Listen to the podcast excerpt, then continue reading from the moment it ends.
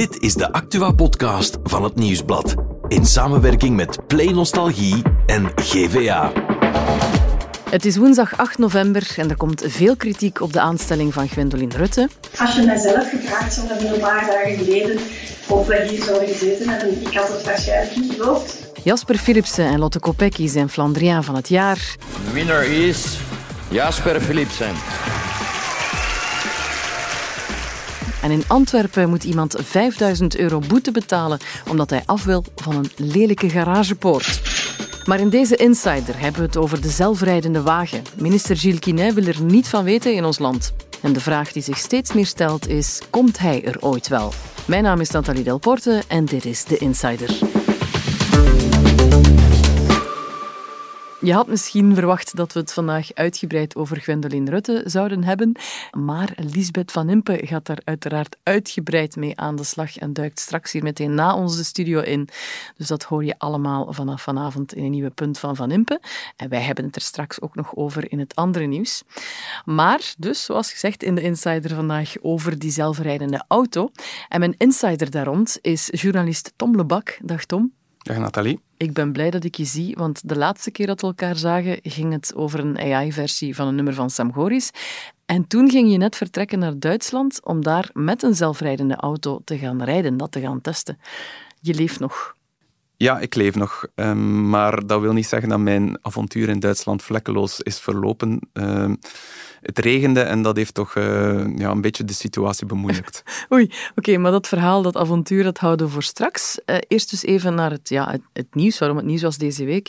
Het verbod op die zelfrijdende auto's bij ons. Ja, minister van Mobiliteit, Georges Gilles wil eigenlijk voorlopig geen toestemming geven uh, om zo'n auto's op onze wegen te laten rijden. Hij ziet eigenlijk te veel risico's en vraagtekens om level 3 zelfrijdende auto's toe te laten. Wat is dat level 3?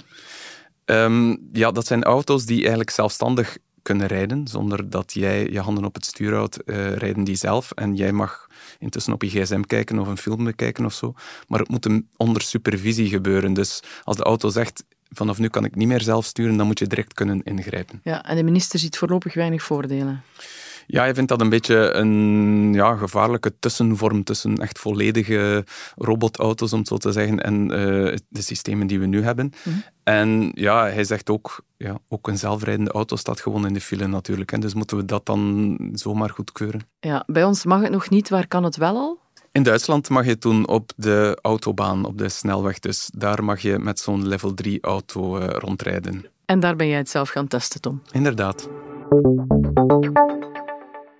Dus Tom, in het kader van een reeks voor Nieuwsblad waarin je dieper ingaat op verschillende AI-toepassingen, mocht je op uitstap naar Duitsland om uh, zelf in zo'n zelfrijdende auto te stappen.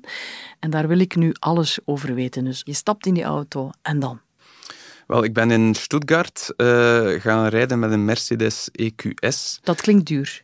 Dat is een heel dure auto en een heel luxueuze bak ook. Dat is een auto van 105.000 euro. En als je de optie om autonoom rijden erbij wil, dan is dat nog eens 7.000 euro. Ja, wat? En daar kreeg jij de sleutel van, van doe maar. Ja, een uh, gigantische luxe auto eigenlijk, die vol sensoren zit en uh, die dus uh, ja, zelfstandig kan rijden. en dat kan je daar doen op, op de snelwegen en dat mocht ik dus testen. Oké, en dan rij je zo'n auto snelweg op en, en dan duw je op een knop en zeg je van handsfree, doe maar. Ja, dat was al een spannend moment om uh, eerst en vooral de parkeergarage uit te rijden. uh, ze gaven mij de sleutel, zeiden doe maar, dat komt wel in orde. Dat was wel spannend. En uh, dan gaat er eigenlijk op het moment dat alle voorwaarden voldaan zijn om zelfstandig te kunnen rijden, ik dacht nu gaat het gebeuren, dan gaat er een, een lichtje aan. M maar bij mij is het niet aangegaan omdat er regen uit de lucht viel. Nee. Als het regent, dan gaat het niet. Oei ik dacht, ja, dan valt er wel iets te regelen of dan uh, valt er wel te onderhandelen. Maar dat gaat gewoon niet. Het systeem schakelt zichzelf uit. Als, er, als een van die tientallen sensoren detecteert van ja, het regent, dan gaat het niet. Dus dat systeem is streng? Het is een streng systeem, ja. En uh, er moeten dan heel veel voorwaarden voldaan worden uh, voor, het, voor het kan. En het moet bij daglicht zijn. Het, het mag maar tot 60 km per uur. Het... Oh, maar wacht, je gaat wel op de autosnelweg? Ja, ja, ja, dus, ja het is in de file. Hè. Het is Dus om, om in de file te rijden, dan gaat het eigenlijk. Maar dus uh, ja, geen regen, geen sneeuw. Sneeuw hadden we niet, maar regen uh, wel. Dat is jammer. Um, stel dat dat wel was gelukt, dan, dan had je dus een spelletje kunnen spelen of zo. Ja, dat, dat, uh, er zat een ingenieur van Mercedes naast mij die uh, in Californië met dezelfde auto had uh, gereden, want ook in Californië mag het. En ja. daar schijnt de zon wat vaker dan in Duitsland. Dus daar kan je het vaker testen. Die had bijvoorbeeld naar de Matrix gekeken, gekeken tijdens een van zijn uh, ritjes. Of, uh, Toepasselijk. Ja, inderdaad. Uh, of je kan er spelletjes op spelen. het klinkt heel gek, maar, maar het, het zit erin en het, het kan gebruikt worden. Stel Tom dat het wel was gelukt, dat het niet had geregend en je had een tijdje kunnen rijden, had je dan het gevoel gehad dat je veilig zit in zo'n auto? Ik reed echt met klamme handjes, uh, moet ik zeggen. Uh, maar zij zeiden mij, ja, dit systeem is, is perfect veilig en er is een hele veiligheidsketting die in werking zal, zou treden als het zou fout lopen. Ja, wat gebeurt er dan? Dus uh, eigenlijk 10 seconden heb je dan om te reageren. Als het systeem zegt, nu moet jij het stuur overnemen. En dat gaat eerst een, een biepje, een geluidssignaal. En dan uh, vermindert hij automatisch wat van snelheid om u een beetje wakker te schudden of alert te houden. Dan gaat het nog wat verder en spant hij uw uh, veiligheidsgordel wat aan. Allee. En als er na 10 seconden echt nog niks gebeurt, dan maakt hij een noodstop en uh, worden alle deuren ontgrendeld dat de hulpdiensten snel binnen kunnen. En dan sirenes en ambulance en je wordt meegenomen. okay. Ja, zo zit het in elkaar, ja. Speciaal. Om de vijf jaar ongeveer wordt er voorspeld dat we over vijf jaar allemaal met zelfrijdende auto's gaan rijden. Er werd ook lang voorspeld dat onze kinderen geen rijbewijs meer zouden moeten halen. Ja, ik vrees er een beetje voor. Die van ons zijn ondertussen bijna 13 en 15. Ik zie het niet zo direct gebeuren.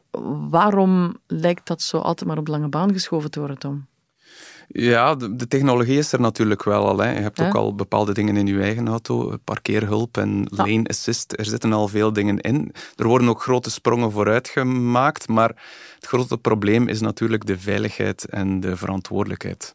Maar die auto zit toch boordevol snufjes, heel dat systeem, dat, wat, je daarnet allemaal vertelt, dat, dat klinkt toch allemaal heel veilig? Ja, dat uh, is wel zo, maar uh, ja, iedereen is gewoon bang voor de krantenvoorpagina met daarop de titel uh, Zelfstandig rijdende auto X of Y rijdt voetganger dood. Dat is een PR-ramp. Is dat ramp. al gebeurd? In de Verenigde Staten is de vergunning ingetrokken van Cruise. Dat is een, uh, ook een, een robottaxi mm. van General Motors. Die, uh, ja, die heeft eigenlijk een voetganger uh, omvergereden. En die heeft hem een, een aantal meter meegesleept ook. en dus, dat is niet goed gekomen? Nee, dat is niet goed gekomen. En daardoor is er gezegd tijdelijk geen vergunning meer en de productie is daar ook tijdelijk stilgelegd van die auto's. Dat klinkt ook uh, verzekeringsmatig een beetje een dure kwestie, want wie is er verantwoordelijk? Stel, ik rijd ermee rond en rij iemand omver of ik knal in een gevel, ja, wie draait er voor op? Ja, dat heb ik uiteraard ook gevraagd toen ik zelf in die auto uh, zat uh, geloven, op, de, ja. op de ring rond Stuttgart. En toen zeiden ze, ja, als aan alle voorwaarden voldaan is, als je mag uh, met het rijhulpsysteem rijden en het kan, dan is de verantwoordelijkheid voor ons. Als het dan fout loopt, dan is het Mercedes die ervoor opdraait. Ja, maar wat staat er in de kleine lettertjes? Ja, die zijn er wel, die kleine lettertjes. En dat zeiden ze mij dan ook direct. We gaan dan wel altijd kijken, was de weg wel goed aangelegd? Waren de banden in orde? Was er niemand anders in fout? Dus daar zit wel nog een heel juridisch kluwen achter, denk ik. Ja, we zijn er nog niet, hè. maar um, er worden wel grote stappen gezet. Welke autobouwer staat het verst? In Europa staat Mercedes het verst, uh, de auto waar ik mee gereden heb. In de VS heb je Waymo, dat is uh, de vroegere Google Cars. Daar staan zij op kop en zij hebben eigenlijk taxis die eigenlijk volledig zonder een bestuurder rondrijden. Ja. Het was ook Google dat vijf jaar geleden voorspelde dat de files voor 90% zouden verdwijnen dankzij de zelfrijdende auto. Maar ik zei het, we zijn er nog niet. Hè. Ja, de vraag is uh, hoe vaak ze nog gaan zeggen dat het voor de komende vijf jaar is. Ja. Hè. Ik hoorde Steven Latree van IMEC, en dat is iemand die het kan weten. Mm. Want hij is uh, uh, echt ook helemaal bezig met artificiële intelligentie en zo. En die zei dat het meest optimistische scenario nu is 2040, 2045, voor we echt met zelfstandig rijdende auto's... Globaal dan, overal iedereen? Ja, globaal, overal iedereen. Tegen dan ben ik 64, dus het zal nipt worden om nog voor mijn pensioen die reportage te maken. ik duim er wel voor, maar dat is wel heel lang nog, hè? Ja, het is, eh, er, er zijn meer problemen dan verwacht, denk ik. En net omdat we zo'n hoge eisen stellen, duurt het gewoon langer dan, eh, dan dat we ooit allemaal gedacht hebben. Allee, dan gaan we het onderwerp maar voor nog eventjes parkeren. Dankjewel, Tom. Graag gedaan.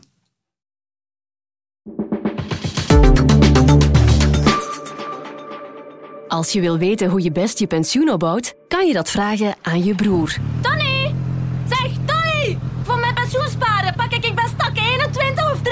23? 23, 120 pk, ja! Hoort er eens! Je kan er dus maar beter over praten met de experten van KBC. Via Kate en KBC Mobile, via KBC Live of gewoon via je kantoor of agentschap. Jouw leven, jouw plannen. KBC. Beweegt met je mee. Voor het andere nieuws is Bert erbij komen zitten. Hey Bert, Dag Nathalie. wat is dat daar allemaal met Gwendoline Rutten? Ja, dat kan je wel zeggen. Wat is dat daar allemaal? Twee weken geleden zei ze nog met veel gevoel voor dramatiek ik stop ermee. Ja. Vandaag eindigt mijn nationale politieke rol. Gedaan. Ze was zeer kwaad omdat ze toen geen minister van Justitie werd. Maar kijk wat er nu gebeurd is. Bart Somers heeft ontslag genomen. God mag weten waarom eigenlijk, want ja, dat was ook niet helemaal duidelijk. En Gwendoline Rutten die volgt hem gewoon doodleuk op als minister, Vlaams minister van Binnenlands Bestuur en Inburgering. Hoe geloofwaardig ben je dan nog? Dat is toch allemaal raar? Ja, dat is inderdaad allemaal heel raar. En dat is ook de vraag die vandaag gesteld wordt. Uh, nu, je kan je afvragen, waarom doet de partij dat? Ah. De partij doet dat omdat ze haar eigenlijk gewoon nodig hebben voor de verkiezingen. Ze is Ah. een kopstuk, een bekend figuur in Vlaams-Brabant. En dan staat hij daar goed hè, uh, richting de verkiezingen. De partij heeft ook een vrouw, want ze kreeg aan het verwijt dat ze een mannenclub waren. En voor haarzelf is het eigenlijk vooral een kwestie van opportunistische carrièrekeuze, lijkt het. Uh, ze verwoordde het zelf als volgt. Als je die kans krijgt om, om uh, daar impact te hebben en voor Vlaanderen en voor mensen het verschil te maken, dan zeg ik ja.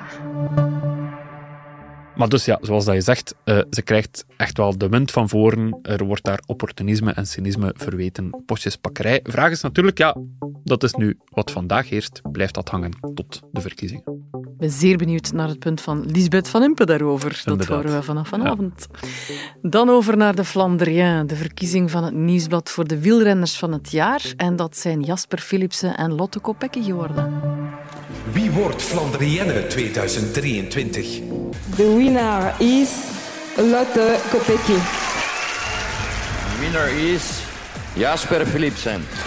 Jasper Philipsen, dames en heren. Jasper Philipsen wordt door de andere coureurs verkozen tot de beste Belgische renner van 2023. Ja, Lotte Kopecky, dat is logisch. Ja. Maar Jasper Philipsen was toch wel een verrassing.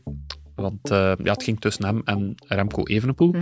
Remco die heeft ook een fantastisch jaar gehad. Luik Bastenaken gewonnen. Een paar ritten in de Vuelta, WK tijdrijden, een paar ritten in de Giro. Dat is echt al een enorm jaar. Uh, maar Jasper Philipsen was natuurlijk zegenkoning. Heeft vier ritten in de Tour gewonnen en de groene trui. En dus zijn collega's hebben gezegd... Um, ja, Jasper Philipsen, hij mag deze keer de Flandriaan winnen. Want zo gaat hij in Flandriaan. Collega's, renners verkiezen. Klinkt wel een beetje alsof jij hem liever aan Remco had zien gegeven worden. Ja, ik ben wel een Remco-fan, ja, ja, ja. En ik heb ook zo'n verleden in de koers als reporter. Uh -huh. En ik had het altijd wel meer voor klimmertypes dan voor spurtertypes die de laatste 300 meter aan kop komen. Maar, dat is persoonlijk. Oké, okay. en dan nog een uh, bijzonder verhaal uit de regio, Bert. Ja, uit Antwerpen hier. Uh, Mathieu, een verhaal over Mathieu. En Mathieu wil verbouwen. Um, hij wil een echt heel lelijke garagepoort aan zijn gevel wil hij wegdoen en daar een raam steken. Je zou zeggen... Dat is toch logisch? Ja, goede zet van Mathieu. Maar nee, nee, nee. De stad zegt, je moet daarvoor 5000 euro boete betalen. Waarom? Waarom? Ja, omdat dat een inpandige garage is en omdat er contact met de straat moet gehouden worden en zo verder enzovoort. Ja. Uh, nu, Mathieu heeft daar hemel en aarde voor bogen om te zeggen van kijk, ik maak van een lelijke garage een mooi raam. En een parkeerplek maar, extra? Ja, voilà, want hij heeft geen auto. Dus ja, hij zegt, ik heb dat helemaal niet nodig. Waarom moet ik nu 5000 euro boete betalen? Maar hij, het moet. Dat zijn de regels. Ja. En wat gaat hij nu doen? Dan? Ja, hij gaat ze betalen. Hij gaat zeggen van, ik wil gewoon mijn raam. Dus ja, ja. Maar dat is toch zo classic bij verbouwen, hè? Dat daar zo ineens komen er allerlei regels en moet je maar duizenden euro's betalen. Is dat niet vooral classic Belgisch? dat kan ook, dat kan ook, Nathalie. Alright, dankjewel Bert. Morgen zijn we er opnieuw met een nieuwe Insider.